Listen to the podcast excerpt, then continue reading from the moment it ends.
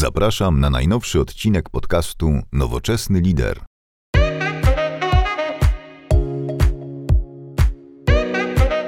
Dzień dobry, witam Was serdecznie w kolejnym podcaście Nowoczesny Lider. Dzisiaj moim gościem jest Michał. Cześć Michale. Cześć, cześć. Dziękuję bardzo za, za zaproszenie. Michale, tradycyjnie gdybyśmy chciał powiedzieć kilka słów o sobie. Czym się zajmujesz? Aha. E, ja uczę strategicznego myślenia poprzez grę w szachy. Dokładnie. Jakby ja też byłem tak, śledzę twój profil na LinkedInie, na LinkedInie głównie. Okay. Jakby właśnie jesteś bardzo aktywny i to też bardzo fajne, bo też buduje fajnie twój, twój brand, e, tak mi się wydaje. I też twoje pewnie podróże zwiążą się właśnie z twoim biznesem. Mam do ciebie pytanie. E, jak to się stało, że wymyśliłeś, bo z tego co czytałem twój profil na na twoim blogu kanarkiewicz.pl, prawda? Aha. Dobrze pamiętam. Też podlinkujemy ten link. Tak, znaczy to jest stara strona. Teraz już jest michalkanarkiewicz.com, bo kanarkiewicz.pl to jest stara strona, Aha. która idzie do wygaszenia już w zasadzie, natomiast nowa to jest michalkanarkiewicz.com. Super, fajnie. Dzięki za, za, za korektę, że podlinkuję właściwą na pewno, na pewno link. I właśnie patrzyłem, że jakby rozpoczynałeś kiedyś pewnie od nauki gry w szachy, dobrze pamiętam? Tak, jak najbardziej. Y, to taka naturalna dosyć kolej rzeczy dla szachisty, bo ja od dziecka jestem związany z szachami i grałem w te szachy z sukcesami. No i dla większości szachistów, którzy na tym pewnym etapie też potrzebują, no, wchodząc w dorosłość, zacząć zarabiać pieniądze, no to normalnym jest uczenie gry w szachy i, i mnie to naprawdę na dobrym poziomie e, doprowadziłem do takiego poziomu, że te, te, że te lekcje były bardzo dobrej jakości i napisałem kilka książek w tym temacie stając się wiodącym, być może nawet najbardziej rozpoznawalnym ekspertem w ogóle z uczenia gry w szachy w Polsce dla początkujących i ta cała historia związana z nauką gry w szachy bardzo e, dużo backgroundu dała mi później do biznesu takiego szkoleniowego, bo zaczynając od dzieci, ja nauczyłem się wielu rzeczy, które, e, które później przydają mi się też w pracy z dorosłymi, bo według mnie praca z dziećmi jest najtrudniejsza. No to prawda. Wiesz co, ja pamiętam, że jeszcze lata temu to też było ciekawe doświadczenie. Uczyłem dzieciaki y, informatyki w szkole podstawowej. Mhm. To był też ciekawy taki pomysł rodziców, jakby dzieci w szkole podstawowej jeszcze w tych klasach 1 do 3 chyba nie znają wszystkich literek. Okej. Okay. I wtedy trzeba było dużo wpisać jeszcze na klawiaturze. Więc ja, myśmy siedzieli się dzieciaczkami na tych zajęciach w sobotę rano i starałem się wytłumaczyć, jak cokolwiek uruchomić na tym komputerze. Przecież znały literki od A do D najczęściej, to już w ogóle było szczęście, a gdzie dopiero aż alfabetu. E, no i też, jak mówisz, były wymagające. Tak, tak. To znaczy, praca z dziećmi jest wymagająca i na pewno uczy takiej cierpliwości, uczy bycia dydaktykiem i, i, mam takie też poczucie, że dzięki temu doświadczeniu, bo ja 7 lat uczyłem gry w szachy, y, to naprawdę wiele z tego się, wiele z tego wyciągnąłem i dzięki temu mam takie poczucie, że mój background, jeśli chodzi o bycie dydaktykiem, jest naprawdę już bardzo mocno osadzony i wiele wyzwań, które które są w biznesie szkoleniowym, jeśli chodzi o współpracę z uczestnikami, już wcześniej przerabiałem współpracując z dziećmi, więc y, to, to jest super pole doświadczalne i jestem wdzięczny wręcz za to, że w moim życiu była taka przestrzeń na to, żeby uczyć dzieci, bo dzięki temu doświadczeniu teraz jestem, e, wydaje mi się, dużo lepszym dydaktykiem. No właśnie, teraz po, powiedz mi, jak, skąd się pomysł przejścia od bycia dydaktykiem, uczenia gry w szachy do bycia osobą, która uczy strategii, e, przeprowadzi zajęcia ze strategii w wielu firmach? Wiesz co, to ten pomysł zrodził się w rozmowach z osobami mi bliskimi, a które mm, pracowały i wciąż pracują od wielu lat w, biznesie szkoleniowym. Dlatego, że kiedy ja poznawałem, i tu były dwie osoby, Sylwia Królikowska i Leszek Badurowicz, yy, kiedy ja jeszcze pracowałem tylko z dziećmi, ucząc ich gry w szachy, to oni już yy, pracowali w szeroko pojętym biznesie szkoleniowym i pokazywali mi, w jaki sposób to wygląda, a nade wszystko w pewnym momencie Sylwia szczególnie powiedziała mi o tym, że, że warto rozważyć, sprawdzenie, czy temat szachów e, byłby interesujący dla, dla firm, ponieważ e, jak słyszała w rozmowach takich kuluarowych, mm, jest to dla nich intrygujące. W związku z tym, no ja po prostu podjąłem dosyć szybką e, decyzję, że okej, okay, dobra, sprawdźmy to po prostu, zorganizujemy testowe, trialowe szkolenia i przeprowadziłem kilka triali, po których otrzymywałem feedback, że że to jest ciekawe, intrygujące, że jeszcze trzeba to trochę dobudować, że to nie mogą być tylko i wyłącznie szachy. I, i, i tak krok po kroku, e, po, poprzez pierwszego klienta korporacyjnego, rozwijałem cały czas tą bazę, odchodząc od początkowego e, programu szkoleniowego, który, w którym w zasadzie w 100%, w 100% były szachy, do momentu, kiedy to było pół na pół, szachy e, i, i, i background taki strategiczny z, z, z zakresu zarządzania i trochę też psychologii biznesu, szczególnie leadershipu.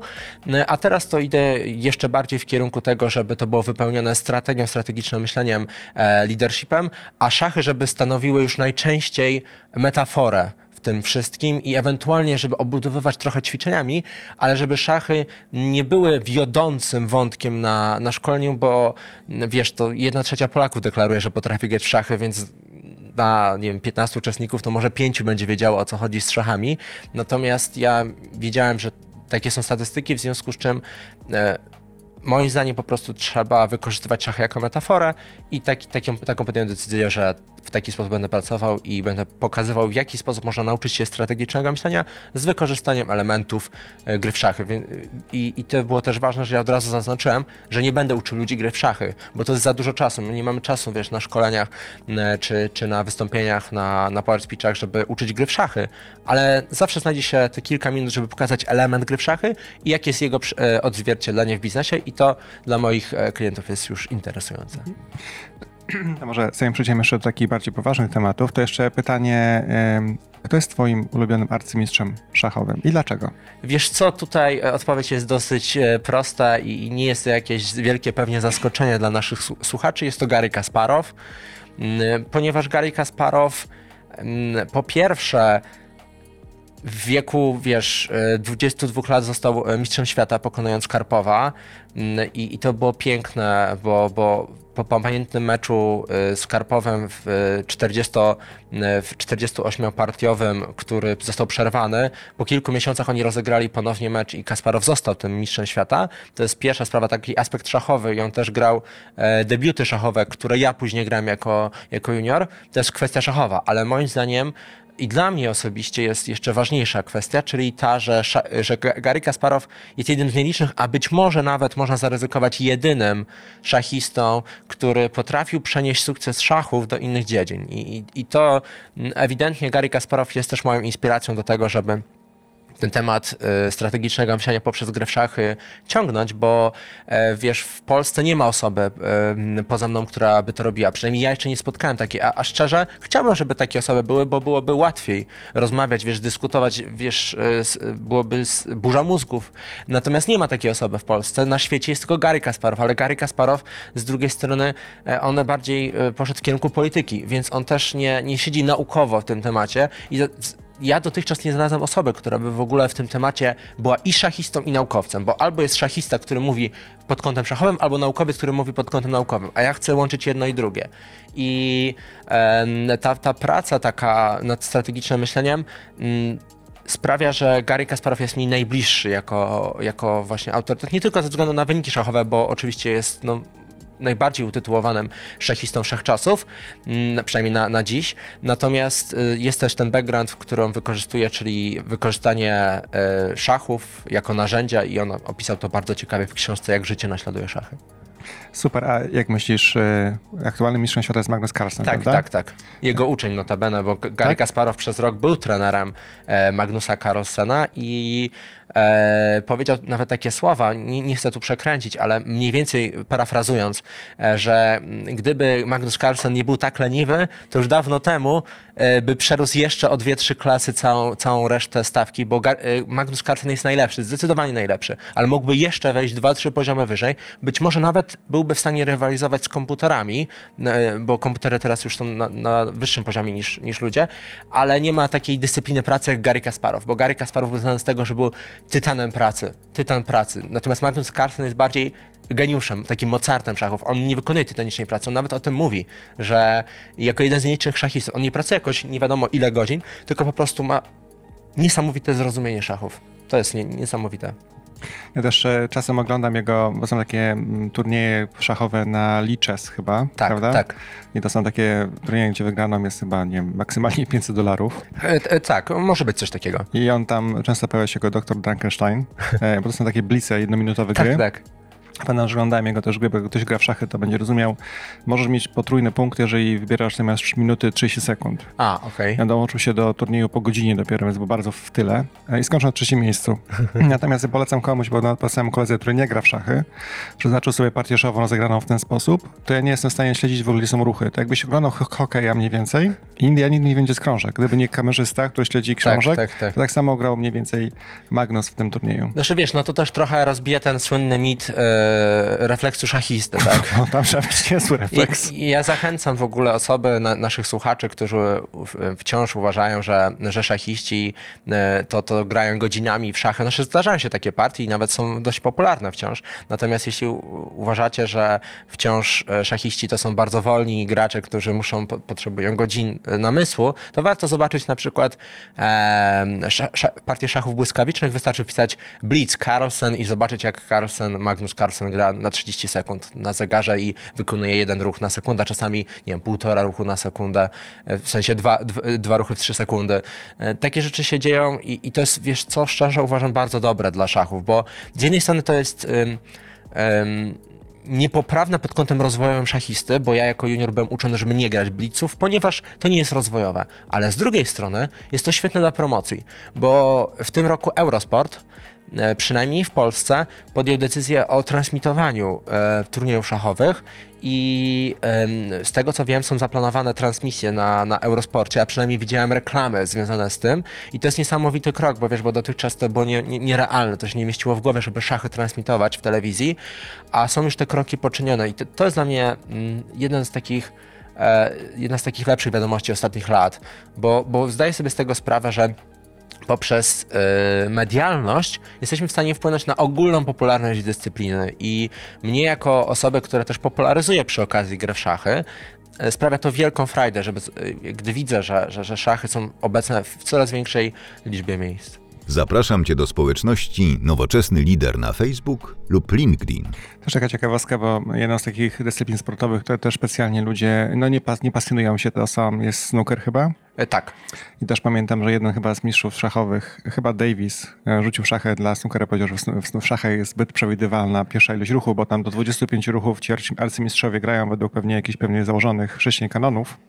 Tak, wiesz co, y, w szachach jest du duża ilość teorii i z jednej strony to rzeczywiście sprawia, że gra w szach jest o tyle przewidywalna, że w debiucie jest dużo wypracowanych schematów, ale z drugiej strony mm, Wiesz, na przykład Magnus Carlsen zupełnie to zaburza, bo Magnus Carlsen y, gra tak, żeby w ogóle jak najszybciej schodzić z tych utartych ścieżek i powoduje, że to nie jest partia dwóch komputerów, to znaczy kto lepiej używa komputera, który człowiek lepiej używa komputera, tylko chodzi o myślenie.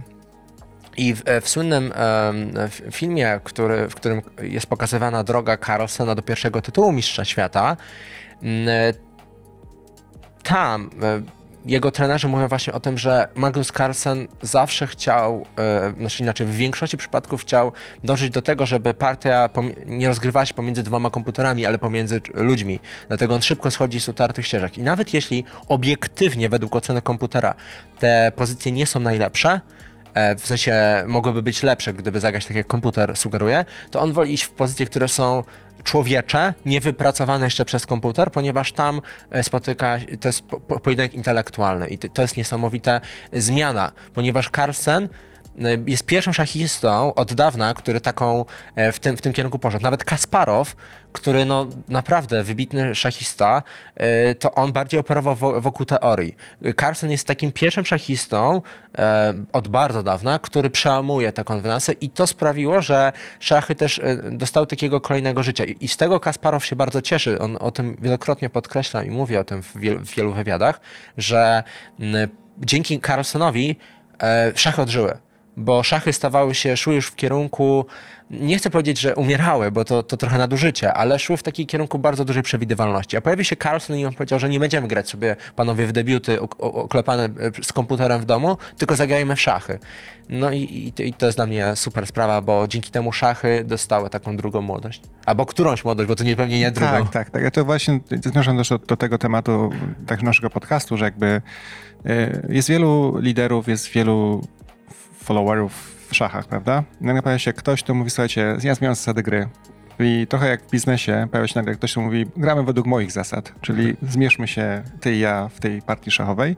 Ja też pamiętam, że nie pamiętam, to był jeden z Ros Rosjan chyba, który, bo szachy to jest też wbrew pozorom gra na emocjach. E, wręcz, wręcz tak. Bym powiedział, że duża część gry w szachy to jest gra psychologiczna, a czym wyższy poziom, tym więcej gry psychologicznej. I to nie pamiętam, że to był Petrosjan chyba, który który y, miał takie pomysły, jakby miał, nie, nie, nie, nie, nie wiem czy nazwiska nie pomyliłem, miał, miał pomysły, że robił ruch i jego zawodnik myślał, on coś uknął. Ja tego nie znam. Zaczynało się to, co mówi, że już skończyły się te, wiesz, te przewidywalne ruchy. I wtedy następowało takie zacięcie na 20-30 minut zdarzało się. I ten zawodnik myślał sobie, co on uknął. A, wiesz co? Nie jestem przekonany, czy to jest Petrosjan, ale też nie, nie wiem, jaka byłaby tutaj rozsądna alternatywa, bo e, wielu e, arcymistrzów i mistrzów świata e, korzystało z różnych technik w trakcie partii, żeby wyprowadzić swojego przeciwnika z równowagi. Ponieważ szachista, który jest najczęściej wytrwale pracującym takim trochę rzemieślnikiem, to gdy jest przygotowany i w pełni swojej formy, to naprawdę wykonuje najlepsze posunięcia i rzadko się myli. Dlatego jednym z podstawowych zadań szachisty na najwyższym poziomie jest też e, umiejętność, e, zdolność do doprowadzenia do sytuacji, w której twój przeciwnik zaczyna wykonywać ruchy, których wcześniej nie zaplanował, albo takich najlepiej, które są błędami. I o tym zarówno pisze Kasparow w książce Jak życie naśladuje szachy, ale też o tym mówili inni e, arcymistrzowie i mistrzowie świata, chociażby Tal słynął z tego, że e, Michał Tal, słynny czarodziej z Rygi, który często uprawiał takie psychologiczne rozgrywki po, poświęcając niepoprawnie często materiał, e, jakość w, w partii szachów, e, po to tylko, żeby uzyskać przewagę psychologiczną i wywrzeć presję na swoim przeciwniku. Lasker też tego słynął. W zasadzie e, na tym najwyższym poziomie tam często słychać od tych wybitnych szachistów, że jest dużo gry psychologicznej. I dla nas, postronnych kibiców, którzy oglądają te partie później w internecie, ich zagrania mogą się wydawać nieracjonalne, ale z drugiej strony oni później podczas analiz tłumaczą, dlaczego tak zagrali, bo wiedzieli na przykład, że to nie chodzi tylko o e, obiektywną ocenę pozycji, mm, bo gdyby chodziło tylko o to, no to, to, to byłoby niepoprawne, ale często też mm, tutaj dochodzi element na przykład czasu.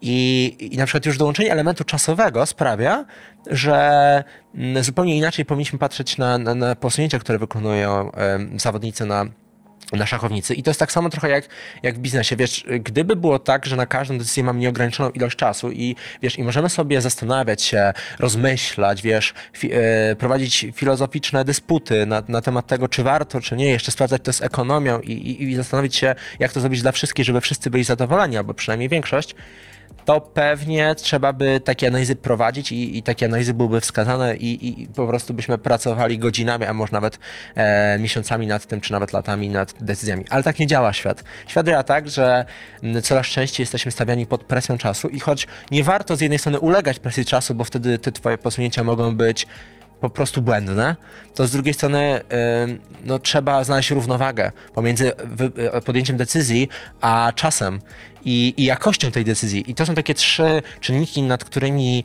e, szachista cały czas w trakcie partii operuje, czyli materiał, czas i jakość. MTQ jest taki model, e, który Kasparow pisze w swojej książce Jak życie naśladuje szachy. E, material, quality i time. E, i, i, w tym, I w tym modelu on e, opowiada o tym, że, że szachiści właśnie cały czas w każdą decyzję, e, ponieważ każdy ruch odzwierciedla decyzję, operują i, i po każdym ruchu w, zmienia, zmieniającej się pozycji muszą podejmować na nowo decyzje, opierając się o ten model i jeszcze większą liczbę czynników. Natomiast rozpoczęcie od tego, żeby zrozumieć, że świat nie działa tak, że, że masz nieograniczoną ilość czasu, na, na podjęcie decyzji, to jest moim zdaniem podstawa do, do, roz, do, do, do takich e, dalszych rozważań, że my często wchodzimy w rolę oceniania czyichś decyzji, natomiast nie patrzymy e, na, na cały kontekst.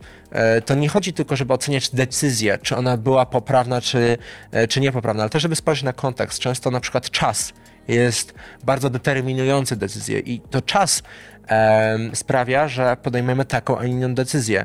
I, i, I absolutnie jako szachista ja się tego nauczyłem, żeby patrzeć tak 360 e, stopni na, na, całą, e, na, na, całą decyzję, żeby patrzeć z wielu różnych stron. I to mi pozwala wyciągać też wnioski. E, ale nie takie pochopne na zasadzie, że to była poprawna lub błędna decyzja, tylko patrzeć na to, jaki był kontekst tej decyzji. No właśnie, jak, jak prze, przenosisz w takim razie tą wiedzę szachową do szkoleń, do wiedzy biznesowej? O czym rozmawiasz ze, ze swoimi kursantami, słuchaczami. słuchaczami. Mhm. mhm. Wiesz co, tutaj e, spektrum wątków, które my poruszamy jest dosyć szerokie, natomiast skupiają się one wokół jednego zagadnienia, strategii. Od strategii E, oczywiście rozpoczynamy, możemy rozpocząć dyskusję o tym, jaka jest różnica pomiędzy strategią a taktyką, ponieważ e, wiele osób twierdzi, że ma strategia, a podczas gdy najczęściej są to tylko taktyki i warto tutaj takie rozróżnienie wprowadzić, że Mm, e, że, że taktyka to jest sposób realizacji strategii, albo innymi słowy można powiedzieć, że e, taktyki, czyli małe kroki to są e, to, to, to takie rzeczy, które prowadzą do realizacji wielkiej strategii. I wielokrotnie się spotykam z takim stwierdzeniem, że firma ma strategię NATO, firma ma strategię NATO, podczas gdy to są raczej listy pobożnych życzeń albo listy pojedynczych taktyk, strzałów. I to jest takie, wiesz, na, na, na poziomie podstawowym dosyć ważne, rozróżnienie i, i coś, co sprawia, że w ogóle y, pojawia się dyskusja, wiesz, już, już na samym początku. Dalej idąc trochę głębiej, wchodzimy w temat myślenia strategicznego, i, i które też jest związane bezpośrednio z, z planowaniem, z ustaleniem priorytetów i mm, ja tutaj dzielę się moją, moim doświadczeniem szachowym, też już e, biznesowym, w którym pokazuję, w jaki sposób decyzje, które podejmowałem przy szachownicy, przeniosły się do tego, w jaki sposób teraz ja podejmuję decyzje w życiu, bo um, umiejętność podejmowania decyzji, moim zdaniem, jest jedna z kluczowych, jest jedną z kluczowych w XXI wieku i żeby te decyzje były skuteczne, to w takim dużym uproszczeniu bym powiedział, należy zminimalizować, myślę strategicznie, zminimalizować wpływ emocji i zmaksymalizować wpływ analiz. Podczas gdy, gdy, gdy dochodzi do, do, różnych konfrontacji, dyskusji na, na szkoleniach, e, to, to przynajmniej z obserwacji, które ja mam, wynika, że najczęściej one są podejmowane pod wpływem emocji, albo ewentualnie jest uprawiana tak zwana strategia gaszenia pożarów, czyli to, co się dzieje na bieżąco, wiesz, cały czas gasimy, ale to, to, to nie jest strategia, to, to jest, wiesz, to jest cały czas gaszenie pożarów. I, i z jednej strony może to nie, nie wykrzaczy całej firmy od razu, natomiast... Yy, z drugiej strony to może doprowadzić do tego, że nie będzie takiego wzrostu, jakiego byśmy sobie oczekiwali. I ja wiem, oczywiście zdaję sobie z tego sprawę, że w XXI wieku e, to jest, wiesz, to jest wymagające, żeby wszystko przewidzieć. Nawet wręcz powiedziałbym, że to jest niemożliwe, że za, zakładasz, robisz strategię na 3 lata i jedyne, co możesz być pewien, to, że w takim kształcie jej nie dowierzysz do końca, bo coś się zmieni. Mm, I, i to jest też jeden z jeden z argumentów moich rozmówców e, przy takich różnych dyskusjach na szkoleniach, żeby w ogóle nie robić strategii. Ale jeśli w ogóle nie robisz strategii, no to nawet nie dajesz sobie szansy na to, żeby część planów, które stworzysz wcześniej e, na, na, sali szkoleniowej czy na sali obrad, do tego, żeby je później wdrożyć, bo ja się zgadzam z tym, że w 100% nie wdroży strategii, ale jeśli na przykład to będzie, nie wiem, powiedzmy 50-60%, to i tak 50-60% planu zostanie wdrożone i ono da ci konkretne efekty, a niech te pozostałe 40%, ok, niech to będzie gaszenie pożarów, ale niech to nie będzie 100% gaszenia pożarów. W tym jest rzecz, że nie da się stworzyć strategii, która by odpowiedziała na każde wyzwanie. Nie da się przewidzieć wszystkiego. Czarnych łabędzie, czyli zdarzeń, które są nieprzewidywalne, ale mają ogromne, ogromne skutki e, w codziennym życiu, było, jest i będzie coraz więcej. Natomiast yy, wiesz, no ja myślę sobie, że po prostu warto planować. I od takich rzeczy zaczynamy. To jest, to jest taki background do, do, do, rozpoczęć, do rozpoczęcia dyskusji na szkoleniu. Potem e, pokazuję trochę doświadczenia szachowego, które które ja zdobyłem wraz z ćwiczeniami na myślenie strategiczne, ponieważ myślenie strategiczne to nie jest żaden dar, talent czy, czy cokolwiek z góry, co dostaliśmy, tylko to jest umiejętność, kompetencja, którą można i moim zdaniem wręcz warto wypracować ponieważ to po prostu pozwala ci e, myśleć e, szerzej, po prostu szerzej i, z taką, z szerszą perspektywą i z taką wizją, która, e, która później przekłada się na, na realne wyniki, a przede wszystkim, która pozwoli ci się odnaleźć w tej rzeczywistości. 2019 rok jak, wiesz, kolejne po 2018, ale y, znowu mamy jeszcze szybszy, szybszy wzrost na, na, świecie. Wiesz, coraz więcej technologii, coraz więcej wyzwań i, i tak naprawdę y, my nie wiemy, co będzie w 2030 roku. Wiesz, niby perspektywa 11 lat, nie? A, a, a, czytasz raporty i tam w zależności od tego, kto robi ten raport, tak, to, y, ale generalnie możemy założyć, że od 50 w górę procent zawodów, których nawet jeszcze nie, nie zostały wymyślone, tak, tak, tak, w różnych raportach tak jest napisane to, to jak się do, przygotować do tej przyszłości? No, moim zdaniem, przygotowując sobie odpowiedni zbiór kompetencji, które pomogą ci odnaleźć się w tej nowej rzeczywistości, bo nie przewidzisz, co się wydarzy. A na jakie kompetencje stawiasz? Wiesz co, moim zdaniem jest kilka takich kluczowych kompetencji i rozpocznę od tych, które są e, mi najbliższe. I to jest na pewno, e, nawet wczoraj czytałem kolejny raport, jest tam logika, i strategiczne myślenie. I one się pojawiają, te kompetencje. Dodatkowo y, y, w większości raportów również się pojawia y, inteligencja emocjonalna, czyli zdolność do zarządzania emocjami oraz taka mm, wszechstronność, taka interdyscyplinarność wiedzy. E, poza tym też tam się pojawiło. Mm, aha, wiem. E, zdolność do wyłuskiwania wiedzy spośród bardzo ogromnej y, y, bazy wiedzy. To znaczy chodzi mi o to, żeby wyłuskiwać te najważniejsze informacje, bo E, mamy już przesyt informacji. To już nie jest sztuką posiadać wielką bazę informacji, tylko sztuką jest wyciągnąć z niej odpowiednie wnioski. To są takie, e, z tego co pamiętam, te kluczowe bullet points z, z, tych, z, z różnych badań. Oczywiście pewnie co badanie to ma inne, wiesz, wyniki, natomiast one się skupiają mimo wszystko wokół tej logiki, wokół tego, e, wokół tej inteligencji emocjonalnej, według, wokół strategicznego myślenia, wokół interdyscyplinarności i to pokazuje nam pewien trend i że, że prawdopodobnie to będzie potrzebne. Dlatego Dlatego to, co ja zawsze mówię też na szkoleniach, to y, z jednej strony, ok, nie jesteś w stanie zrealizować 100% strategii firmy czy własnej, ale z, y, ale z drugiej strony przygotuj się na to, żeby mieć kompetencje, które pozwolą ci się odnaleźć w tej rzeczywistości, tej nowej rzeczywistości w 2030 roku, żeby nie obudzić się z przysłowiową ręką w nocniku, bo wtedy będzie za późno. Wtedy już rynek, wiesz, będzie postępował. Wejdzie kolejne pokolenie na rynek i, i, i oni po prostu będą, wiesz, bardziej przygotowani na, na, na, wyzwania przyszłości, bo się e, wychowują w, tym, e, w tej nowej rzeczywistości. Dlatego ja już e, w tej chwili i pracuję i polecam innym pracować nad kompetencjami, które są kompetencjami przyszłości, bo to pozwala myśleć o kilka kroków do przodu. Nie jeden, nie dwa, tylko kilka do przodu, żeby być żeby posiadać adekwatne i potrzebne kompetencje, które pozwolą ci się odnaleźć w nowej rzeczywistości. Tak ja to widzę. Na blogu nowoczesnylider.pl znajdziesz więcej informacji dotyczących tego podcastu. Wiesz co, zgadzam się z tobą, że jakby świat jest bardzo zmienny, czyli y, moja firma ma cele do chyba 20-25 nawet wytyczone w chwili obecnej, ambitne. To jest, tak to jest ten kierunek, którym chcemy zmierzać i pytanie, ile z tego da się zrobić, to jest cokolwiek więcej, będzie na pewno lepsze niż dzisiaj. Jeszcze chciałbym skomentować jeszcze tą kwestię y, myślenia strategicznego i nauki. To jest ciekawe, ponieważ jeden z takich badań, które ludzie wykonują, żeby poznać swoje mocne strony czy talenty, jest takie badanie Galupa. Tak, oczywiście. I z 34 bodajże talentów, które Galup zidentyfikował, on mówi, że jakby y, strategię, strategii nie możesz się nauczyć, albo masz ten talent, albo, albo go nie masz. To jest okay. ciekawe.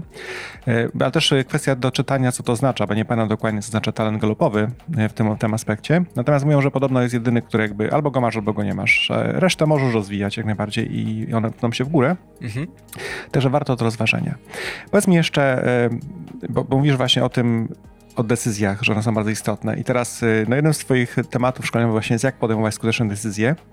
Już o tym sporo powiedziałeś, ale jakbyś naszym słuchaczom, słuchaczkom powiedział, jeśli masz pewne decyzje, rozpocznij od. No na pewno od tego, żeby odstawić emocje na bok. Bo to jest, wiesz, to może się wydawać banalna rada, ale odstawienie emocji na bok sprawia, że zaczynasz w ogóle myśleć nad, yy, i to jest drugi punkt, rozważ możliwe scenariusze. Znowu, może się to wydawać komuś, wiesz, bardzo proste, ale od tego się zaczyna. Ja się takiej nauczyłem e, takiej intelektualnej e, rozgrywki szachowej, z tego, bo z szachów mi się ta wzięła ta analiza, żeby odłożyć emocje i rozpocząć analizę scenariuszy. Jakie są możliwe scenariusze? W kolejnym kroku, jakie korzyści, ale też jakie zagrożenia generuje mi każdy scenariusz? Bo ważnym jest to, żeby zdawać sobie sprawę, że jeśli nie widzisz zagrożeń w, w, konkretnym scenariuszu, w jednym z scenariuszy, które, które zakładasz, to prawdopodobnie jeszcze czegoś nie widzisz. W moim odczuciu nie ma takich scenariuszy, w których nie ma żadnych zagrożeń. One oczywiście mogą być większe, mniejsze, ale wydaje mi się, że, że nie ma takich scenariuszy, przynajmniej takie jest moje odczucie. I w czwartym kroku to, co ja pole, polecam, to już myśleć strategicznie, czyli wybrać taki scenariusz, który, uwaga, pozwoli zmaksymalizować szansę na wykorzystanie moich naturalnych predyspozycji, moich wypracowanych e, kompetencji, umiejętności, ale równolegle do tego pozwoli zminimalizować zagrożenie z moimi słabszymi stronami, moimi czy to firmę, bo też możemy to mówić w kontekście firmy. I to tak, bym powiedział, w takim dużym uproszczeniu, taka instrukcja podejmowania decyzji i ona e, się opiera o, o analizę, bo moim zdaniem podejmowanie decyzji E, szczególnie tych kluczowych, powinna się opierać o, o analizę. Ja nie mówię o tutaj, wiesz, o, te, o podejmowaniu decyzji z tak zwanego systemu pierwszego, którym pisze Kahneman, y, takich automatycznie jak przełączenie e, biegów w samochodzie na skrzyni biegów, tak? To, to jest system pierwszy Kahnemana. Ale ja mówię tutaj o decyzjach, które naprawdę, y, wiesz, mają w, y, później duży wpływ, tak? I, I, na przykład system pierwszy, czyli taki e, automatycznych odpowiedzi, to no nie może być na przykład dwa razy dwa, no to każdy ci odpowie, że to jest 4. Natomiast już wiesz, na przykład, nie wiem, 17 razy 17 to już musisz włączyć system drugi, żeby coś przeanalizować, policzyć. I, i, i ja zachęcam do tego, że jeśli pojawia się na horyzoncie do podjęcia decyzja e, związana z systemem drugim, czyli takim, który wymaga mm, analiz, to żeby nie podejmować ich pochopnie i żeby nie podejmować ich pod wpływem emocji. Mm, zdaję sobie sprawę, że pewnie nie do końca jesteśmy w stanie zawsze wyłączyć w 100% czynnik emocji, ale żeby go zminimalizować. Ja też nauczyłem takiego czegoś w trakcie kariery szachowej, że nie ma czegoś takiego jak e, albo inaczej, że jest mało sytuacji zero-jedynkowych, albo inaczej czarno-białych, że nie do końca jest to możliwe, żeby zminimalizować do zera czynnik emocji, ale jesteśmy w stanie e, ten, te odcienie tak pokierować, żeby ten, czynnik emocji był e, relatywnie niewielki, żeby nie miał jakiegoś wielkiego impaktu na nasze podejmowane decyzje. I e, w szachach jest coś takiego, że każda decyzja, tak jak już mówiłem wcześniej, pod, powoduje określoną reakcję. I tak samo jest w życiu niezależnie na jakim, e, na jakim polu działasz, to każda decyzja daje konkretny, konkretny efekt. I z tego konkretnego efektu e, w kolejnym kroku masz do podjęcia kolejną decyzję. Więc to jest taka sieć połączonych, połączonych naczyń, więc decyzja, którą podejmujesz tu i teraz, e, jest ważna nie tylko z punktu widzenia tej decyzji do podjęcia tu i teraz, ale też z perspektywie kolejnych decyzji do podjęcia. I ja się nauczyłem po prostu analizować, więc jeśli miałbym coś zarekomendować naszym słuchaczom, taką pigułkę wiedzy, to polecam po pierwsze yy, możliwie zminimalizować wpływ emocji, to jest w pierwszym kroku, po drugie przy, przeanalizować możliwe scenariusze, po trzecie spojrzeć na, na te scenariusze, które yy, sprawdzić ich mo mocne i, i, słabe strony, a następnie wybrać taki, w którym możemy wyeksponować nasze mocne strony i zminimalizować zagrożenie ze słabszymi stronami. To jest taka pigułka w czterech krokach, jak mówiłem bym dał. Ja też pewnie, nasi słuchacze też pewnie znają narzędzia, bo są takie narzędzia biznesowe jak SWOT. E, tak, na oczywiście, przykład, analiza SWOT. Dokładnie, które pomagają takie rzeczy przygotować jakby i to jest też praca nie, nie tylko wewnątrzfirmowa, ale też również badania można używać, prawda, zewnętrzne, jakieś fokus grupy i tak dalej, które pomagają firmie określić, na którym polu chciałaby grać albo czego powinna, na co powinna uważać z perspektywy zagrożeń właśnie. E, Michał, mam takie jeszcze do ciebie pytanie, e, trochę z innej teraz bajki, Jasne. bo jakby obserwuję twój profil na LinkedInie i teraz powiedz mi, e, pomysł na budowanie swojego personal brandu, no i biznesowego brandu oczywiście, to jest twój pomysł, czy masz jakąś pomoc, korzystasz z jakichś porad? Jasne, już ci odpowiadam. Pomysł jest mój, w sensie rozpoczyna, rozpoczynałem samodzielnie to prowadzić i pracować nad brandem. Mm, do dziś wykonuję działania samodzielnie. Natomiast e, po drodze spotkałem ludzi, którzy swoją wiedzą i doświadczeniem się ze mną dzielą. I, I, to też jest wartościowe, ponieważ spojrzenie z zewnątrz jeśli jest konstruktywne, to jest bardzo pomocne. Ja tu nie mówię o, o wiesz, o opiniach pod tytułem podoba mi się, nie podoba, bo to, to, to nie jest konstruktywne, ale zdarzało się e, i spotkałem takie naprawdę fantastyczne osoby na swojej drodze, które mówiły mi na przykład Michał, rozważ, czy dać tego mniej, a, a, czegoś innego trochę więcej. I ja to rozważałem. I nie zawsze było tak, że wdrażałem ich, e, ich, ich radę, ale to dawało mi pewien, e, pewną nową perspektywę na, na, na spojrzenie na, na personal brand i, i, budowanie profili w mediach społecznościowych, szczególnie na, na LinkedInie i na Facebooku. I no, rzeczywiście na tym LinkedInie jestem trochę ponad rok, a śmiem twierdzić, że całkiem, całkiem spory sukces odniósł ten profil. I też pamiętam, że zapuszczą cię parę pomysłów nawet y, z perspektywy profilu, bo chyba ty w swoim takim tym tagline masz pisane, już nie pamiętam co, ale to jest fajnie, bo jak komentujesz coś na LinkedInie, to widać najpierw tagline, znaczy ty, a później ten tagline. To tak, jest tak, też tak, bardzo tak. prosty, ale naprawdę bardzo skuteczny krok do tego, żeby zatrzymać oko na tym, wiesz? Tak, tak, tak. No ja teraz tam mam, chodzi ci o ten nagłówek, taki, co się wyświetla pod imieniem tak, i nazwiskiem tak, po tak, komentarzu, to ja tam wpisałem e, trener strategicznego myślenia i mam figurkę króla. Dokładnie. I, I to, to jest, zatrzymuje uwagę. To zatrzymuje uwagę. I to są naprawdę, pomiędzy oczywiście content, który wpisujesz i go bardzo lubię, to są takie proste rzeczy jakby w tym całym, wiesz, natłoku informacji, e, social media, LinkedIn jest jedną, jedną z jednym takich kanałów, no to e, czymś się trzeba wyróżnić i to są fajne elementy. Tak, znaczy ja, ja przyjmuję taką prostą zasadę, że wyróżni się albo zginie. I teraz, jeśli się nie wyróżniasz nad, w mediach społecznościowych, to, to jest ciężko po prostu się przebić. A jeśli, jest, yy, a jeśli się nie przebijasz, to, to twoja aktywność na LinkedInie, czy na jakimkolwiek medium społecznościowym, na pytanie, czy przynosi tobie określone korzyści. Jeśli nie, to albo to robisz dla, dla, dla fanu, dla, dla, dla hobby i to też jest ok, albo tracisz czas.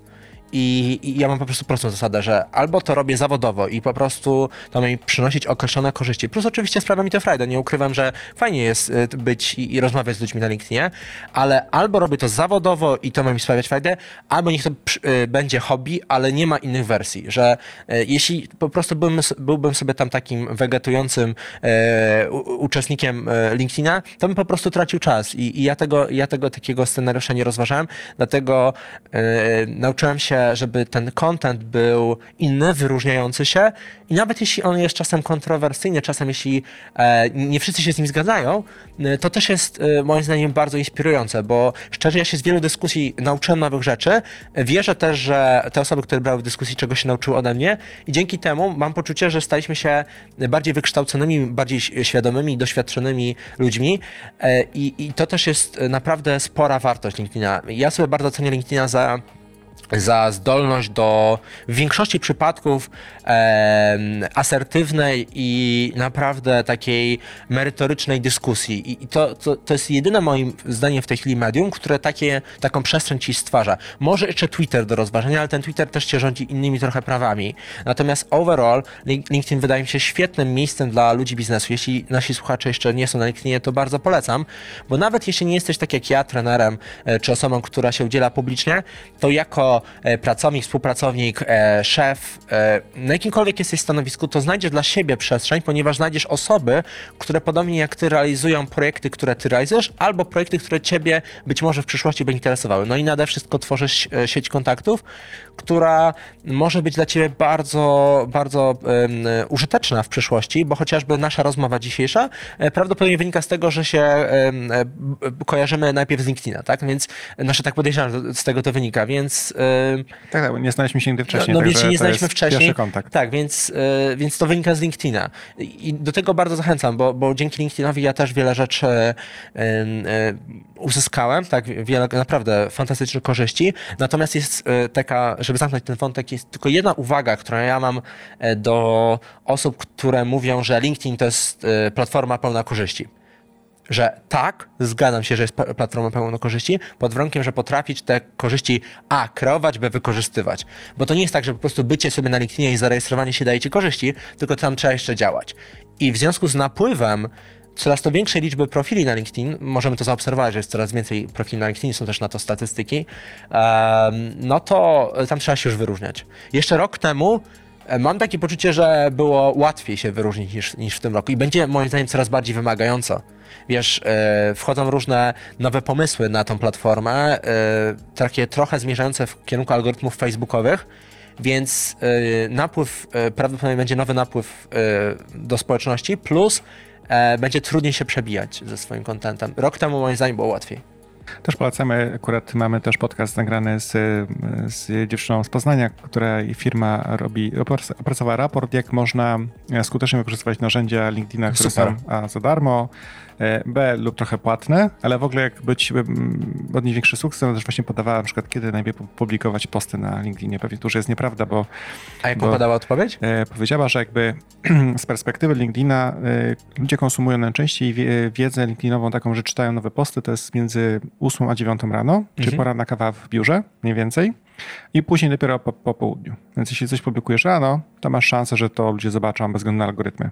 Wiesz co, myślę, że coś w tym może być, bo e, zauważyłem i zresztą ja też e, publikuję jakąś tam określony procent swoich treści właśnie rano, ponieważ rzeczywiście dużo osób rozpoczyna od prasówki LinkedInowej. Dokładnie, dokładnie. E, natomiast czy w innych porach można publikować? Pewnie tak, bo coraz częściej ludzie po prostu klikają w smartfonach, bo to już nie jest czas, kiedy tylko na laptopie w pracy sprawdzają, tylko też coraz częściej z telefonu, niekiedy też w domu.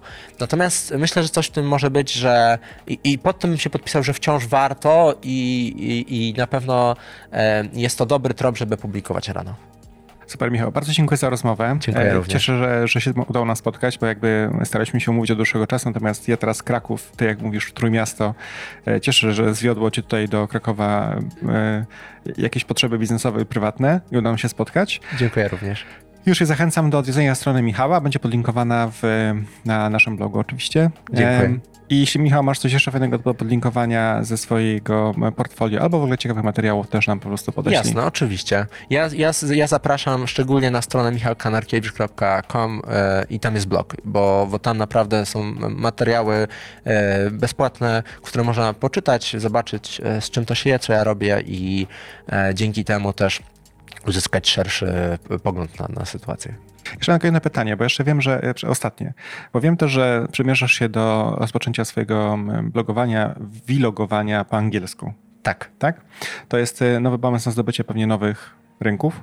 E, tak, na pewno e, praca w języku angielskim i ogólnie pro, pro, produkowanie treści w języku angielskim, no powoduje, że otwieram się wtedy na nowe rynki i jest to jeden z moich pomysłów na Mm, na przyszłość, ale taką nie, nie, nie, bardzo odległą, y, bo, bo czuję, że jest tym duża wartość. W tej chwili jeszcze publikuję wyłącznie w języku polskim, ale podejrzewam, że no w, w przeciągu kilku miesięcy już rozpocznę w języku angielskim, bo y, czuję, że jest tam ogromny potencjał i naprawdę duża wartość, żeby no, rozpocząć e, walkę o rynki zagraniczne. Jak też mówiliśmy wcześniej, to jest nisza, jakby osób, które mają wplecione w swoje pomysł biznesowy szachy, naprawdę ja nie znam wielu. Raczej no. poza tobą nie znam nikogo. No tak właśnie, bo, bo, w Polsce nie ma, a, a za granicą bym powiedział, że to jest Kasparow.